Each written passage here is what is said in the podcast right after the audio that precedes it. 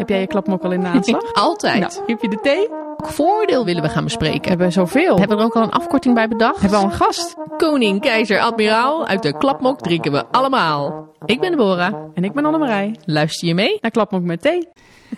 Hey Deborah! Hey Annemarij. Jij was eh, even ASMR aan het doen. Ja, het klinkt een beetje als een joviale entree. Eh, Mensen die worden gelijk gechoqueerd. Oh mijn god, ze zitten al helemaal... Ja, nu we al. zijn al op dreef. Ja, ja, ja. dit wordt er weer een. Ja, Aflevering 61. 61 Annemarij. Echt veel. Het gaat hard. Stel dat je nu pas instapt. Dan heb je nog wat in te halen. Oh, Ja. hoeveel uur? Nou, in ieder geval 61. minimaal. Zielig. ja, precies. Maar je zal ook maar alle 61 geluisterd hebben. Ja, dat, ja, dan verdien je gewoon een prijs. Dan vind je een, een dikke pluim. Zeker. Een pluim. Een pluim. Mooi. Ja, ja, Ja. ja, ja. ja. Ja, leuk. Dus bedankt, bedankt luisteraars. Ja, Eh, zeker. En ehm, we hebben nou, weer een hele mooie nieuwe aflevering klaarstaan. Jazeker. Over Duitsland. Ja. Jawel. Ja, ja, ja, verder gaat het niet, want zo, eh, wat ik al zei, mijn talenknobbel is... eh, Genau, had je ook kunnen zeggen. Ja, nee, precies. Nou, dat komt niet in me op. Ja, nee, deze hadden we al een, eh, eigenlijk al een hele tijd wilden we deze aflevering al maken. Ja, je bedoelt ze over de Duits-Nederlandse samenwerking. Ja, Ja. en veranderen, veranderingen van ehm, hoe Duitsland in, in Europa zich verhoudt. Ja? Ehm, volgens mij was het al ergens begin dit jaar dat we een eh, artikel in NRC allebei hebben gelezen. Ja. Over eh, eigenlijk die veranderende rol van Duitsland in Europa na de aanleiding van de oorlog in Oekraïne. Ja. Ehm, dus hij stond al een tijdje op het lijstje. Absoluut. Totdat we echt de perfecte gast hadden. Ja, we zijn zelfs getipt. Ja. Van, hebben jullie al? Ja. Zeiden we nee. Maar dat is wel een hele goeie. En ehm, die is helemaal overgekomen vanuit Duitsland. Vanuit Berlijn, helemaal Ja. deze kant op gevlogen. Ja. Ik, ik zou willen zeggen, speciaal voor ons. Ja, ik ging het ook bijna zeggen, maar dat is helemaal niet. Maar dat is niet waar. We maken gewoon van de gelegenheid gebruik. Ja. Om, om weer een aflevering in persoon kun- te kunnen doen en niet via Teams. Ja, precies. Dat is toch wel het leukst. Ja. Gaan we gewoon luisteren? Ja, ik wou zeggen, gaan we hier nou nog heel lang omheen Nee, draaien? Of eh, nee, ik denk dat de luisteraar dan al afgehaakt is. Ja, nee, we gaan lekker We luisteren. gaan zeker. Ja, veel plezier. Nou, hier zitten we dan met de brigadegeneraal Martin Bon. Welkom. Dankjewel. Heel leuk dat u er bent. Helemaal vanuit Berlijn hier naartoe gevlogen. Ehm, u bent eh defensieattaché geweest in Duitsland. En ik heb begrepen dat u nog veel meer functies daar hebt gedaan. En wat doet u nu precies? Eh, op het ogenblik ben ik eh, werkzaam in Strausberg. Dat is de locatie van de Duitse landmachtstaf. En ik heb daar eigenlijk een dubbelfunctie. Primair ben ik de plaatsvangend commandant van het Special Training Command. dat gericht is op de Oekraïne-opleiding. Dus alle opleidingen voor de Oekraïners die op Duits grondgebied plaatsvonden, worden daar gecoördineerd, geleid eh, en uitgevoerd. Eh, dat is één deel van mijn functie. Als tweede zit ik als Nederlandse generaal in de Duitse landmachtstaf. En ik hou me daar eigenlijk primair bezig met de Duits-Nederlandse samenwerking. Oké. Ja, dus hoe lopen nu de dingen zoals ze zijn afgesproken? De samenwerking tussen de brigade en de divisies. Als we kijken naar materiaal, op het ogenblik is Duitsland bezig met het plannen van de brigade in Litouwen, onze NATO-verplichtingen. Mhm. En daar heb ik min of meer een, een vinger aan de pols en kijk wat er eventueel de Nederlandse inbreng zou kunnen zijn. En hoe is dat nou om daar als generaal te zitten tussen allemaal Duitse collega's? Ja, ik heb natuurlijk al eerder ervaring gehad in, eh, in Duitsland. Ik eh, ben werkzaam geweest bij de Duitse directie operaties. Ik heb op de politieke afdeling in het Duitse ministerie van Defensie gewerkt. Dus eh, het werken met Duitsland is mij niet onbekend, om het zo te zeggen. Het is wel anders dan in Nederland. Duitsers zijn veel formeler. Ehm, ze zijn ook vaak wat, eh, het duurt allemaal wat langer. eh, maar ze zijn ook heel goed in de dingen die ze doen. Eh, dus als de Duitsers een plan hebben, dan kan je ervan uitgaan tot het klopt. En tot er van het plan ook eh, drie varianten zijn. Ja. Ja, dat is ook mijn ervaring, Annemarij. Oh, Ja, ik heb ook met eh, Duitsers samengewerkt. oké. Ja, ja, ja, ja. ja.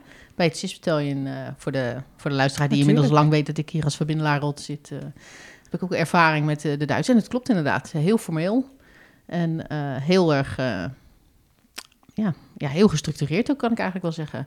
Het is een, een beetje het, het spontane wat er bij ons wel eens in zit, dat heb je aan de Duitse zijde wat minder. Ja, dat is natuurlijk de vraag Ja, of we spontaan en chaotisch zijn. eh, vaak eh, dingen die heel dicht bij elkaar liggen. Ja. Persoonlijk vind ik de kracht is altijd in de samenwerking. Ja. Aan de ene kant het, de snelheid en het charisma eh, of het, het, pragmatische zoals we zeg maar hebben als Nederland. En dan de zorgvuldigheid en de, de planningsvaardigheden die de Duitsers hebben. En eh, juist die combinatie die maakt ons sterk. Ja, is dat ook, is dat ook een van de specialiteiten? Hè? Want ik hoor wel eens dat er ook vaak gekeken wordt hè, vanuit, eh, vanuit Europa naar de samenwerking eh, tussen Nederland en Duitsland en hoe wij dat dan eh, doen. En dat het eigenlijk op een hele positieve manier opvalt. Is, dit, is dat dan ook daar waar de kracht zit? Ja, ik denk zeker. We zijn in, uh, in de wereld, denk ik, een voorbeeld hoe twee krijgsmachten samenwerken. En die ook echt dingen doen. Het gaat niet alleen om uh, samen te werken, om oefeningen te doen of omdat we elkaar aardig vinden. We zien het ook daadwerkelijk terug in de operaties en de dingen die we doen. Als we kijken naar de afgelopen tien jaar waar we geweest zijn, dat hebben we eigenlijk min of meer allemaal met de Duitsers gedaan. Als we kijken naar Afghanistan, uh, de Patriot-missie in de Turkije, Mali, al dat soort events. Dus het is ook echt zeg maar dingen die we die we hebben laten zien dat we ook goed kunnen samenwerken. En juist omdat we juist in vredestijd zeg maar, die dingen al oefenen, uh, klopt het ook als we operaties doen. en dan doorgaand, wil ik ook even aangeven, we zien natuurlijk een spanning nu in Europa. Dat zie ik nu in mijn andere job met de Oekraïne. En we kunnen het ook niet meer alleen. Als we zien wat er op ons afkomt en de dreigingen die er zijn, is juist die samenwerking is eigenlijk uh, het, het voorbeeld voor anderen. Ja, nou, precies. Uh, dit uh, was eigenlijk waar ik even naartoe wilde. Dus dat komt helemaal perfect uit. um, ja, want uh, eigenlijk wordt er wel gesproken over een Zeitenwende... Hè, sinds de Russische inval in de Oekraïne. Um, nou, volgens mij hebben wij het ook al eerder gehad... over die verschuiving van wars of choice naar wars of necessity. Ik las pas een hele mooie... dat we moeten focussen op de crocodile closest to the canoe. Oh ja, ja, ja. ja. ja en... en uh, dat dat hele grote consequenties dus eigenlijk voor Duitsland, de rol van Duitsland in Europa heeft. Is dat iets wat u ziet nu, nu u daar zo midden in eigenlijk het Hol van de Leeuw zit? Nou, als je naar Europa kijkt, dan zijn er natuurlijk de drie grote landen, zijn natuurlijk Groot-Brittannië, Frankrijk en Duitsland. Daar zien we dat Frankrijk toch een beetje, sorry, dat de VK, laat ik daarmee beginnen, mm -hmm. Groot-Brittannië zich meer focust wereldwijd en toch een beetje zijn aandacht verdeelt. De Fransen tot voor kort eigenlijk een hele sterke focus hebben op Afrika. En dat de Duitsers meer zeg maar, zich focussen op alles wat in Europa gebeurt, en met name aan, aan de oostflank.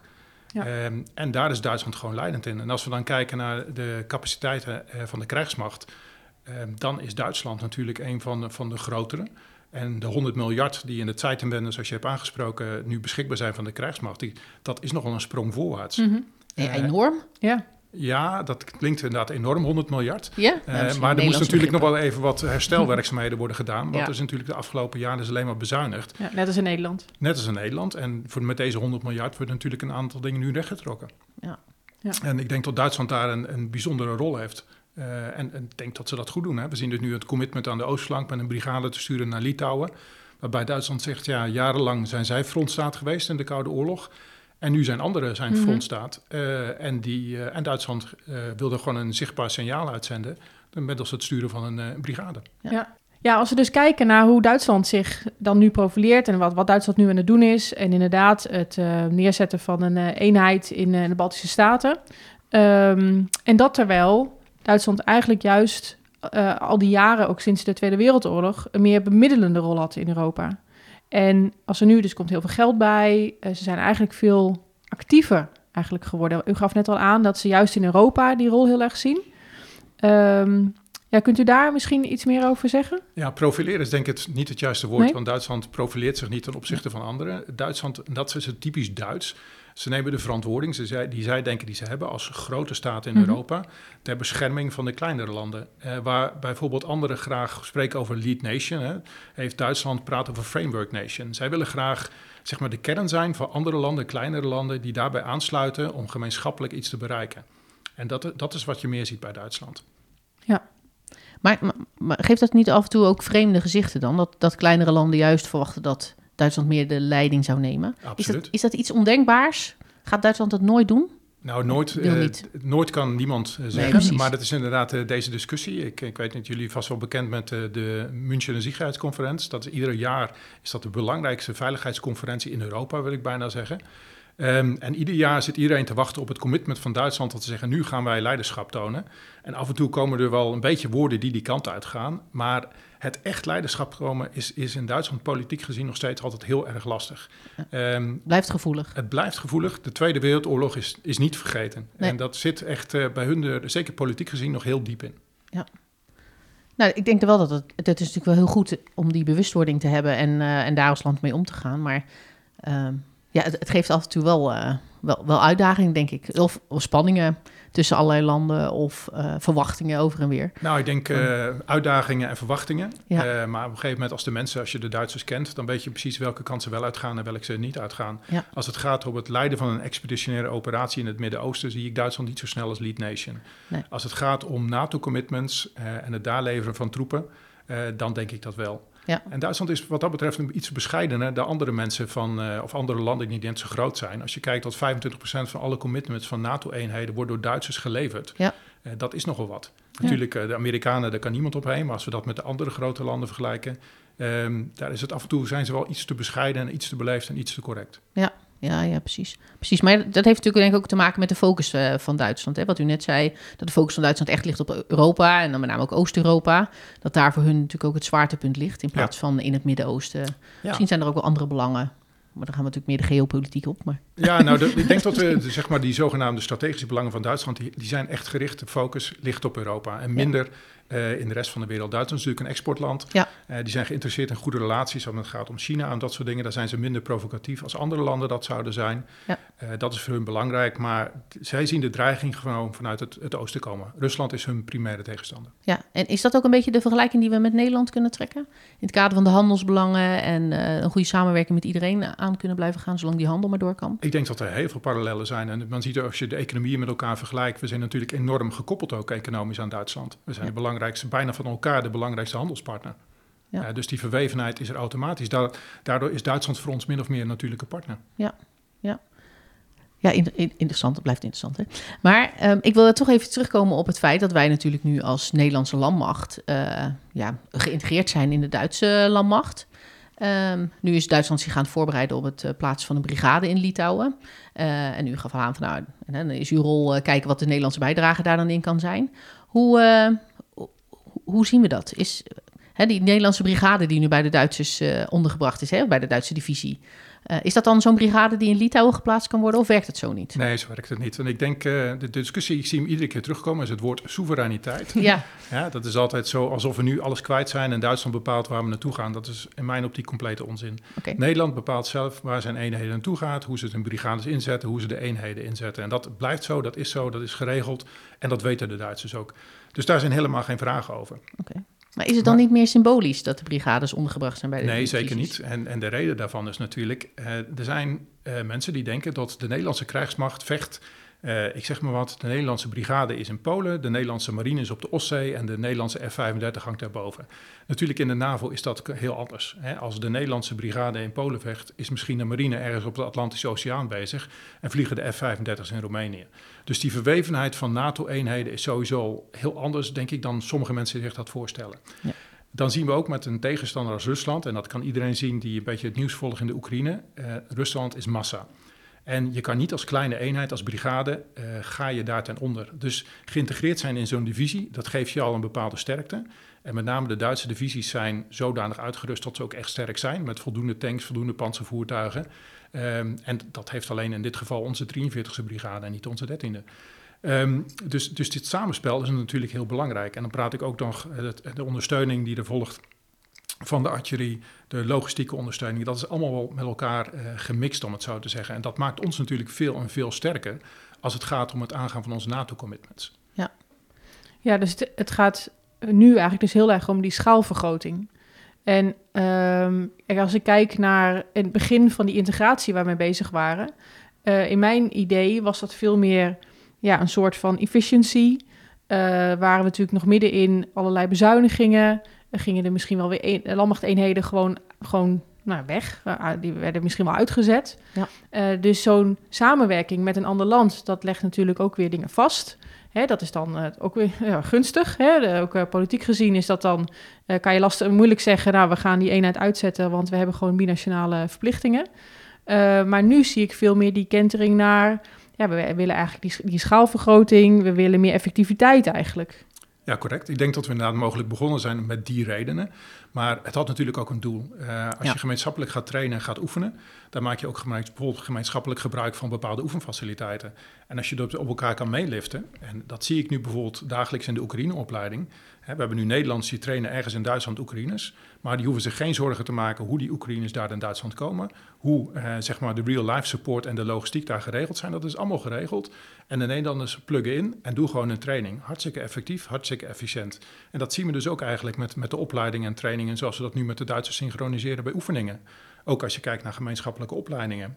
Ehm, als we beide dezelfde voertuig hebben, waarom zou je twee chauffeursopleidingen maken? Waarom probeer je daar niet één van te maken? Dat is een simpel voorbeeld. Ja. en zo zie je dat ook met andere wapensystemen. En we zien ook steeds meer nu dat er gemeenschappelijke keuzes komen. We hebben gemeenschappelijk nu een eh, platform gekozen voor de luchtmobiele brigade, de Duitse divisie Snelle Krachten. Nou, dat is perfect. Hè? Hetzelfde voertuig, eh, geen eigen varianten. Ik denk dat dat hartstikke effectief is. En we zien nu ook de Duitsers bijvoorbeeld. Wij hebben gekozen voor het rakettenwerpersysteem de Puls. En de Duitsers hebben helemaal geen lang onderzoek gedaan. Die hebben gezegd, de Nederlanders hebben het, wij gaan die ook kopen. Hm. En dan Ja, heb je dus dus het werkt weer... andersom ook. Exact, Ja. natuurlijk. De Duitsers zeggen wat voor de Nederlanders goed genoeg is, is voor ons ook goed genoeg. Ja. En dat is eh, zeg maar die effectieve spin-off die we nu krijgen. Maar dat is ook echt iets van, nou dat is eigenlijk heel recent.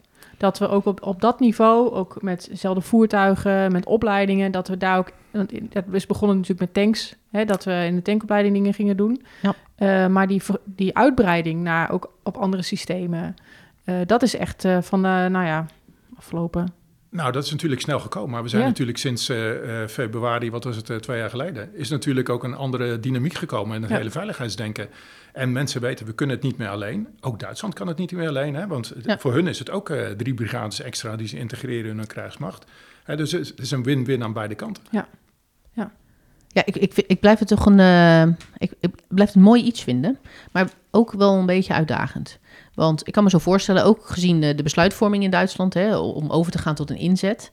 eh, Nederland blijft soeverein, hè, met een soevereine eenheid, om maar zo te zeggen. Ik kan me niet voorstellen dat als Duitsland eh, besluit een divisie ergens in te zetten, en dat waar een Nederlandse brigade onderdeel van is, dat dan Nederland nog kan zeggen, ja, dit vinden we echt helemaal niks, gaan we niet doen.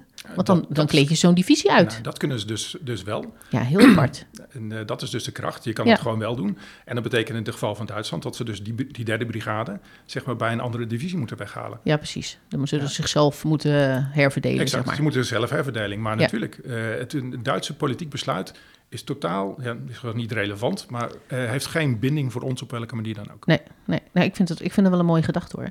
Want ja, zo, zo blijf, je, blijf, blijf je toch een beetje je vrijheid houden. Ehm, Ja, je blijft je vrijheid houden. Het moet ook heel Ja. reëel zijn. Hè? Als we kijken naar de afgelopen tien jaar waar we overal actief zijn geweest, wat Ja. we hebben gedaan, dat, dat doe je nooit als land nationaal. Het enige wat, Nee, wat je nee, nationaal doet zijn zeg maar evacueringsoperaties eh, van burgers, maar dat is ongeveer het enige. En ook daar wordt samengewerkt. Ja, precies. In de praktijk zullen we altijd samen met anderen ja, actie ondernemen. En nou vraag ik me nog af, ehm, als we het dan hebben over hoe we samenwerken, systemen, eh, dat dat eigenlijk steeds meer. Hè? We hebben nu eh, onlangs de 13e brigade is natuurlijk ook weer geïntegreerd in een, in een Duitse eenheid. Ja. Ehm, we hebben natuurlijk de mooie de lease-constructie met de tanks eh, bij de 43e brigade. Als wij nou als nou ja, gewoon gelijkwaardige partner goed mee willen doen, moeten wij zelf weer zorgen dat we tanks hebben? Ja, laat ik zeggen, natuurlijk mag te vragen of het mooi zou zijn als je tanks zou hebben. Het, zou natuurlijk, het is waarschijnlijk niet politiek correct, maar natuurlijk eh, is het goed. En we zien ook aan, aan alle lessons learned in de Oekraïne die we nu zien, het effect en het belang van tanks. Maar ik denk toch eh, dat die, die samenwerking die we hebben, de vorm waarop we het doen, dat is, dat is prima. Eh, en als we dat kunnen uitbreiden, zou dat hartstikke mooi zijn. En als we zelf ook dat materiaal kunnen kopen en voor zwaardere materiaal zouden kunnen kopen, is het, is het uitstekend. Maar dat is zeg maar een politiek besluit. Hè. We hebben op een gegeven moment geld te verdelen en daar moeten mensen Ja. besluiten wat zij denken dat het belangrijkste is.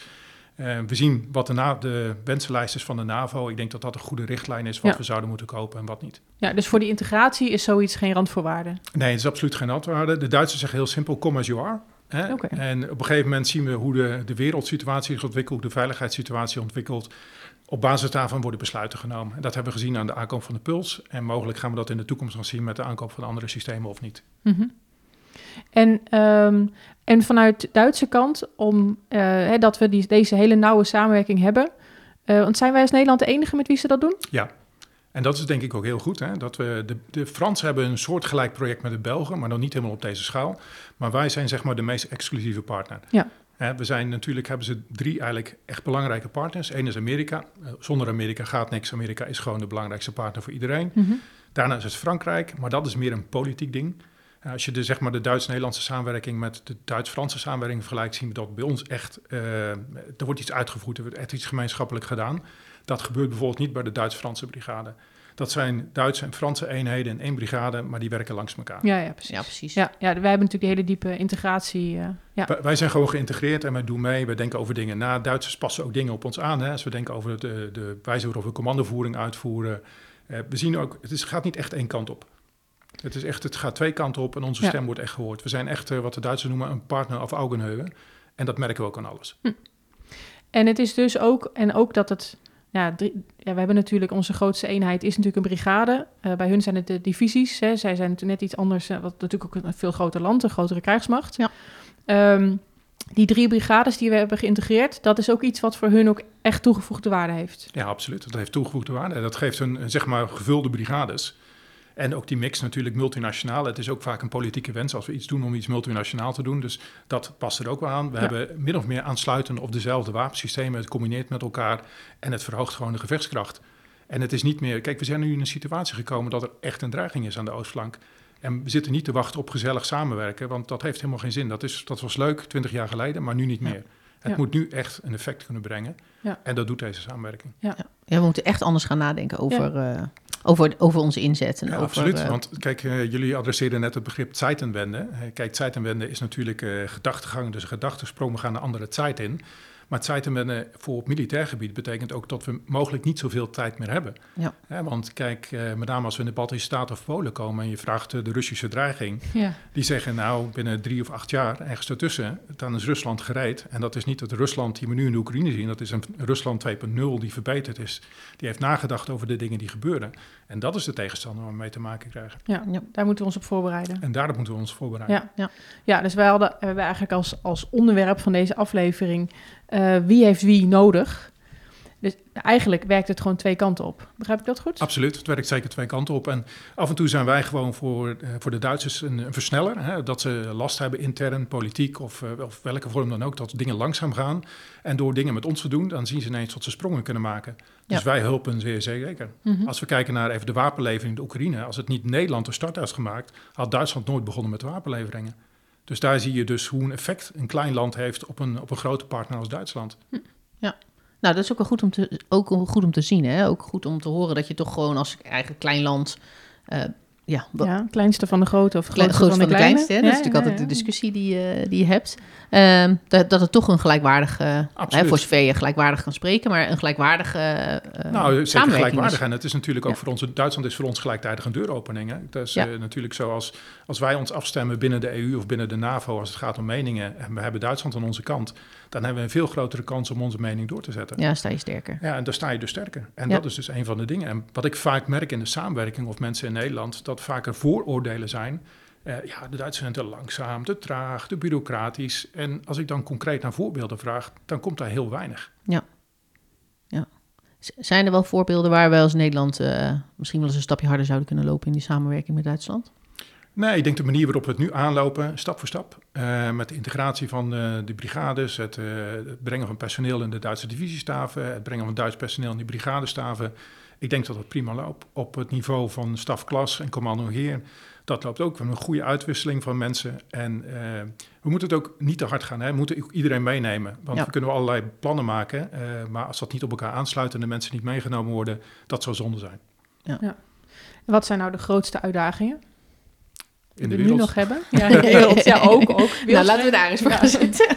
Ja, de grootste uitdaging is gewoon hetgeen wat we nu besloten hebben met de integratie, om dat ook zorgvuldig om te zetten. Hè? Dat we goede bevelslijnen creëren, dat de divisies de opdracht geven aan de, aan de brigades. Die brigades goed weten wat hun, hun taken zijn, want er zijn nog steeds natuurlijk nationale taken, er zijn budgettaire eh, richtlijnen. Dus het, die, zeg maar, dat samenspel van al die dingen die bij elkaar komen, eh, dat moet goed gesynchroniseerd zijn. En dat, Ja. dat, is gewoon, dat blijft gewoon een uitdaging. Ja. En de wereld is niet perfect. Ja, we, we plannen dingen en dan komt er iets tussendoor als Israël. En dan heb je een evacuatieoperatie. ja, er gebeuren natuurlijk allerlei dingen. Ja, Dus die je niet in de hand hebt. Exact. Je Nee. moet niet de illusie hebben tot het plan altijd uitkomt. Ja, Eh, dus, Ja. dus vandaar. Wa- wanneer gaan we hier nu de eerste, de, de eerste samenwerking daadwerkelijk zien? Wanneer gaat zo'n divisie eh, oefenen? Ga- Gaan we dat zien binnenkort? Nou, of die, eh, die dat de brigades samenwerking die loopt natuurlijk al heel Ja, lang. dat natuurlijk. oefenen, dat heb ik zelfs nog gedaan. Precies. dat- Divisieoefeningen? Zeker. Ja? Ja, Zo groot absoluut. schaal? Ik Oh, ja. achter. Ik Ja, nee, nee, dat, dat Nee, loopt duidelijk. allemaal. Kijk, we hebben natuurlijk het koor, dat is natuurlijk het voorbeeld. Daar, daar werken we al 25 jaar of nog langer met, met elkaar samen. Dat, is allemaal, dat loopt perfect-. En eh, de eerste divisie, de DSK, dat loopt ook al langere tijd, dus dat is geen probleem. En de dertiende is nu net begonnen. En, maar dat loopt eh, perfect. En met name, ik moet zeggen, het enthousiasme van de, de brigadecommandaat daar en de, het samenspel van personen, die maken dat gewoon eh, tot, eh, tot er enorm veel dynamiek in zit. Ja. ja en die, dat is de divisie 2025 die als eerste zeg maar, voor de NATO gereed moet zijn. Ja. En dat, dat, dat loopt ook allemaal prima. Ja. Goed om te horen. Ik denk wel, want we sturen natuurlijk allemaal slimme mensen naar die staven en zo. En die, eh, nou, die zijn waarschijnlijk ook heel taalvaardig. En, eh, en, en die, redden zich, die redden zich daar. En ook al is de cultuur af en toe net wat anders. En is, zit de deur dicht in plaats van dat die open staat. Nou, daar hak ik meteen op in. Dat is inderdaad, eh, je kan het niet zomaar doen. Als we nu kijken naar de mensen die in de Duitse commando heer werken, dat zijn mensen die zijn allemaal de Vuurungsacademie in Hamburg gedaan, twee jaar de Duitse krijgsschool. Die zijn taalvaardig, die begrijpen de cultuur en dat zijn de mensen die je moet hebben. Duitsland heeft nu een, eh, zeg maar, een, moet ik dat zeggen, een eh, eh, herhaalslag gemaakt. Of in ieder geval gaat nu dat eh, ook herstellen. Doordat ze de Nederlandse krijgsschool gelijk hebben gesteld met de Duitse. Mhm. Dat is uniek. Ja. Dat hebben ze nog nooit gedaan, want in Duitsland, de generale staap, dat is toch wat bijzonders. En echt, je bent ervan of je bent er niet van. Ehm, en dat hebben ze nu gelijk gesteld. Dus dat is al een hele stap. En ze zullen steeds meer Duitsers gaan op Nederlandse talencursus. En die zitten dus nu in de brigades. En dat merken we ook. Ja. En, op, sorry, en natuurlijk op de stafklas. Ja, precies. En, maar dat zijn natuurlijk nog de officieren.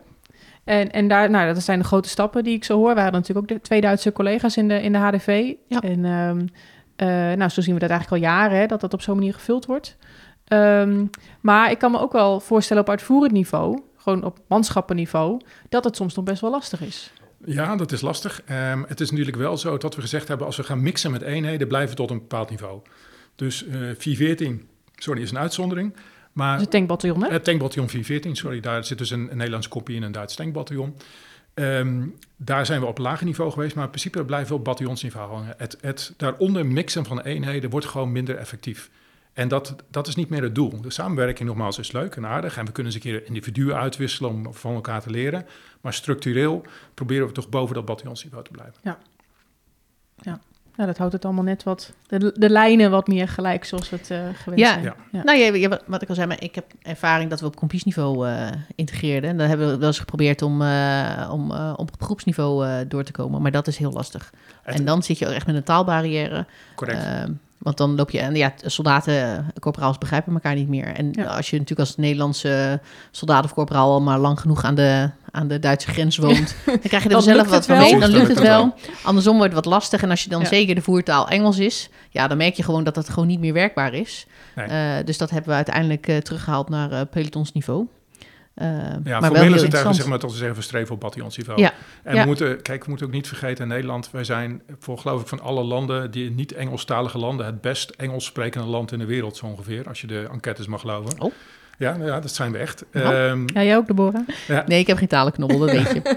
en bij Duitsland is, in Duitsland is dat natuurlijk anders. Ja. dat is natuurlijk, daar moet ik heel eerlijk zeggen, daar zie je dus met name in de, in de lagere rangen wel een verschil tot de Nederlanders daar vaardiger zijn in, als het gaat om Engels. Ja. Maar als we die samenwerking hebben, het is vaak zo'n combinatie van Dinglish, Ja, waar het een beetje door elkaar gesproken wordt. Dat dat gebeurt ook Ook ja, maar dat gebeurt op hoog niveau ook. Hè. We hebben ook eh, meetings gehad met de minister, waarbij de Nederlandse minister Engels sprak en de Duitse minister Duits. En ze konden elkaar verstaan, maar Ja, het dat bleef iedereen in taal. Ja. Ja. Nou, dat is ook zo. Hè. Is even een anekdote tussendoor. hè. Ja, Ik ja, heb ja. er zo ook nog eentje, hoor. Ja, heel goed. Nee, maar, maar dat is de ervaring die ik zelf ook heb. Ik heb, eh, hè, ik ben natuurlijk wel vaak op uitzending geweest, maar mijn eh, laatste uitzending is al even geleden, moet ik heel eerlijk zeggen. Eh, maar dat was ook in een, eh, een- ja, een multinationale staf eigenlijk. En eh, da- daar zaten ook de Britten bij. En die begonnen natuurlijk eh, op, op, eh, in het Engels natuurlijk hun verhaal af te steken. Maar je zag het ene en het andere land zag je afhaken. Want het, ze begrepen het niet meer. Het was te moeilijke taal, te moeilijke woorden. Terwijl, nou, het een beetje het steenkolen Engels, hè, wat wij dan gebruiken. Maar dat spreken we allemaal. En Ja. dat spreken al die landen. En daardoor begrijp je elkaar beter. En wordt heel vaak verteld, wat zegt die Brit eigenlijk? Wat, wat zegt hij nou eigenlijk? Ja. Het eens uit. Dus hoe beter je je best doet, Het hangt er wel minder, vanaf waar je eh, vandaan komt. ja, dat Ja. geloof ik ook wel. Maar eh, heel simpel, hè? het was echt gewoon, dat was echt mijn ervaring. Dat je kan wel zo goed je best doen om de, de goede woorden te zeggen, maar dat is, betekent niet, lang niet altijd of je ook begrepen wordt. Ja, maar ik denk wel dat zo met West-Europese landen... dat wij elkaars Engels dan nog wel Kunnen begrijpen. begrijpen. Ja, Maar doe je er een mix in van, eh, nou ja, meer de Afrikaanse en Aziatische landen, dan Ja, ja. wordt het denk ik weer heel Het anders. wordt steeds lastiger. En bovendien, Ja. met, met, als je praat Engels praat, als je een accent hebt, eh, een Yorkshire Regiment is ook niet meer te verstaan. Nee. nee. En het is natuurlijk altijd een verschil tussen de Amerikanen en de, en de Britten. Kijk maar het verschil tussen first floor en ground floor. Ja. ja dus eh, je Waar staat je beide, dan? beide op de verkeerde verdiepingen. ja, ja, precies. Ja. Nou, en, ik, het ook en, wel ik, weer en ik heb nog een heel positief voorbeeld Oh, vanuit... eh, we hadden in Mali een, een eh, Duitse Dikos Ops, een kolonel. Nou, zijn Engels... Ja, echt, daar, daar kunnen we in Nederland nog wat van leren. Dat Ja. was echt perfect. En dat was ook ontzettend goede militair. Gewoon in, ja, was natuurlijk een van de drukste mensen in de staf. Ja, maar dat En, is een eh, grappig wat je zegt. Dat is vaak een voordeel van de Duitsers kunnen geen andere talen. Ik kan uit mijn eigen krijgsschoolervaring, dus eh, de vuurak, eh, vertellen dat velen spreken eerst perfect Engels, echt goed. eh, en daarbij nog eh, Frans of een andere taal. En ook, Ja. ook niet op het, eh het koek- en niveau, maar gewoon Ja. voldoende. En dat je een serieuze discussie kon voeren. Ja. Dus ik denk dat we daar af en toe onze Duitse collega's onderschatten. Ja, die, doen we ze vo- die vooroordelen, daar moeten we eventjes... eh, Precies. Ja. Hè, Duitsers spreken geen Engels, want alles wordt nagesynchroniseerd. dat gaat dus niet op. nee, er Nee. zijn er genoeg die er echt heel goed in zijn. Ja, ja. ja, ja, leuk. Heel goed zelfs. Ja, Nee, ik denk dat we het meeste geadresseerd hebben. Ik denk dat, dat veel onbegrip vaak een onbekendheid is. Ehm, en, en niet zeg maar op basis van echte ervaringen en dingen, dingen doen. En we moeten gewoon gebruik maken van de kracht die Duitsland heeft. Hè. Ze hebben de schaalgrootte die ze hebben, ze hebben veel te bieden. En hun stafcapaciteit, eh, dat zijn dingen die we gewoon kunnen gebruiken en voor onze eigen doelstelling inzetten. In plaats van eh, dat we altijd zeg maar klagen en onszelf de beste vinden. Ik denk dat gewoon de middenweg, hè, dat, dat is gewoon eh, de kracht van alles. Neem onze eigen goede eigenschappen, neem de Duitse goede eigenschappen en dan denk ik dat er een geweldig product uitkomt. Ja, Beetje de bescheidenheid van de, de Duitse zijde meenemen eh, in de Nederlandse cultuur. Dat is een, eh, denk ik een hele goede. mooi. Ja. Nou, heel hartelijk dank voor dit absoluut. gesprek. Nee, graag gedaan. Nou, daar zit je dan. Gewoon ergens. Een beetje in, in een beetje de, het bos in Lunteren. ja. Het te hebben over Duitsland en de Duitse-Nederlandse integratie. En ehm, al die mooie dingen. En hoe het Ja. is om in zo'n Duitse staf te werken. ja. Nou, dan heb je toch gewoon even weer een hele mooie aflevering. ik denk, zit te kijken. Waar Ja, waar ga ik waar gaat ze nou bij je. Beetje een rare blik. Nou ja, dat klopt. Dat klopt. En het is, eh, ik, ik vind het wel leuk. Het is heel her- herkenbaar. Maar ik denk wel eh, dat we als Nederland best wel eens een stapje harder zouden kunnen lopen. Denk je niet? Ehm, nou, dat gevoel heb ik soms ook wel eens een beetje, ja. Ja, toch? Ja. Ik vind het natuurlijk wel heel Ja. mooi, hè, wat, wat, eh, wat ook de generaal zei. Ehm, hè, dat het een balans is. We hebben een stukje Nederland Ja. nodig en een stukje Duitsland nodig. Ehm, maar ja, maar goed, wij denken, wij denken vaak dat we het beter weten. Hè? En dat we ons ego in de weg zit. Als we het dan hebben over virtuous leader, die we wat meer zouden moeten Oeh, zijn. Ja, ja. even koppelingetje Oh, maken. even terug- Ja, ja, ja, ja. terugblikje. ja. En dan denk ik dat we hier, eh, ja, dat we het grotere plaatje eens moeten bekijken. En dat we Ja. ook onszelf eens eh, wat beter op de kaart kunnen zetten. In de zin van, hé, hey, waar, waar zit Nederland en wie is Duitsland en wat is onze rol? Mhm. Ehm, nou, misschien moeten, we, misschien moeten we inderdaad wat meer bescheiden zijn als Nederland. En dat we dan eh, daar nog wel wat van kunnen leren. Oké. Ja, nee? Ja, doe eens. Wat bedoel je nu precies eigenlijk? Ja, misschien moeten we het maar gewoon uitknippen, want het gaat nergens heen. Ja, weet ik niet. Wat vind je dan dat, dat wij meer materieel, dat we toch tanks moeten kopen? Of dat we gewoon echt in onze opstelling dat het anders moet? Wat bedoel je precies? Ga je nou de tankdiscussie eh, naar binnen fietsen? Nou, ik ben gewoon benieuwd wat je bedoelt.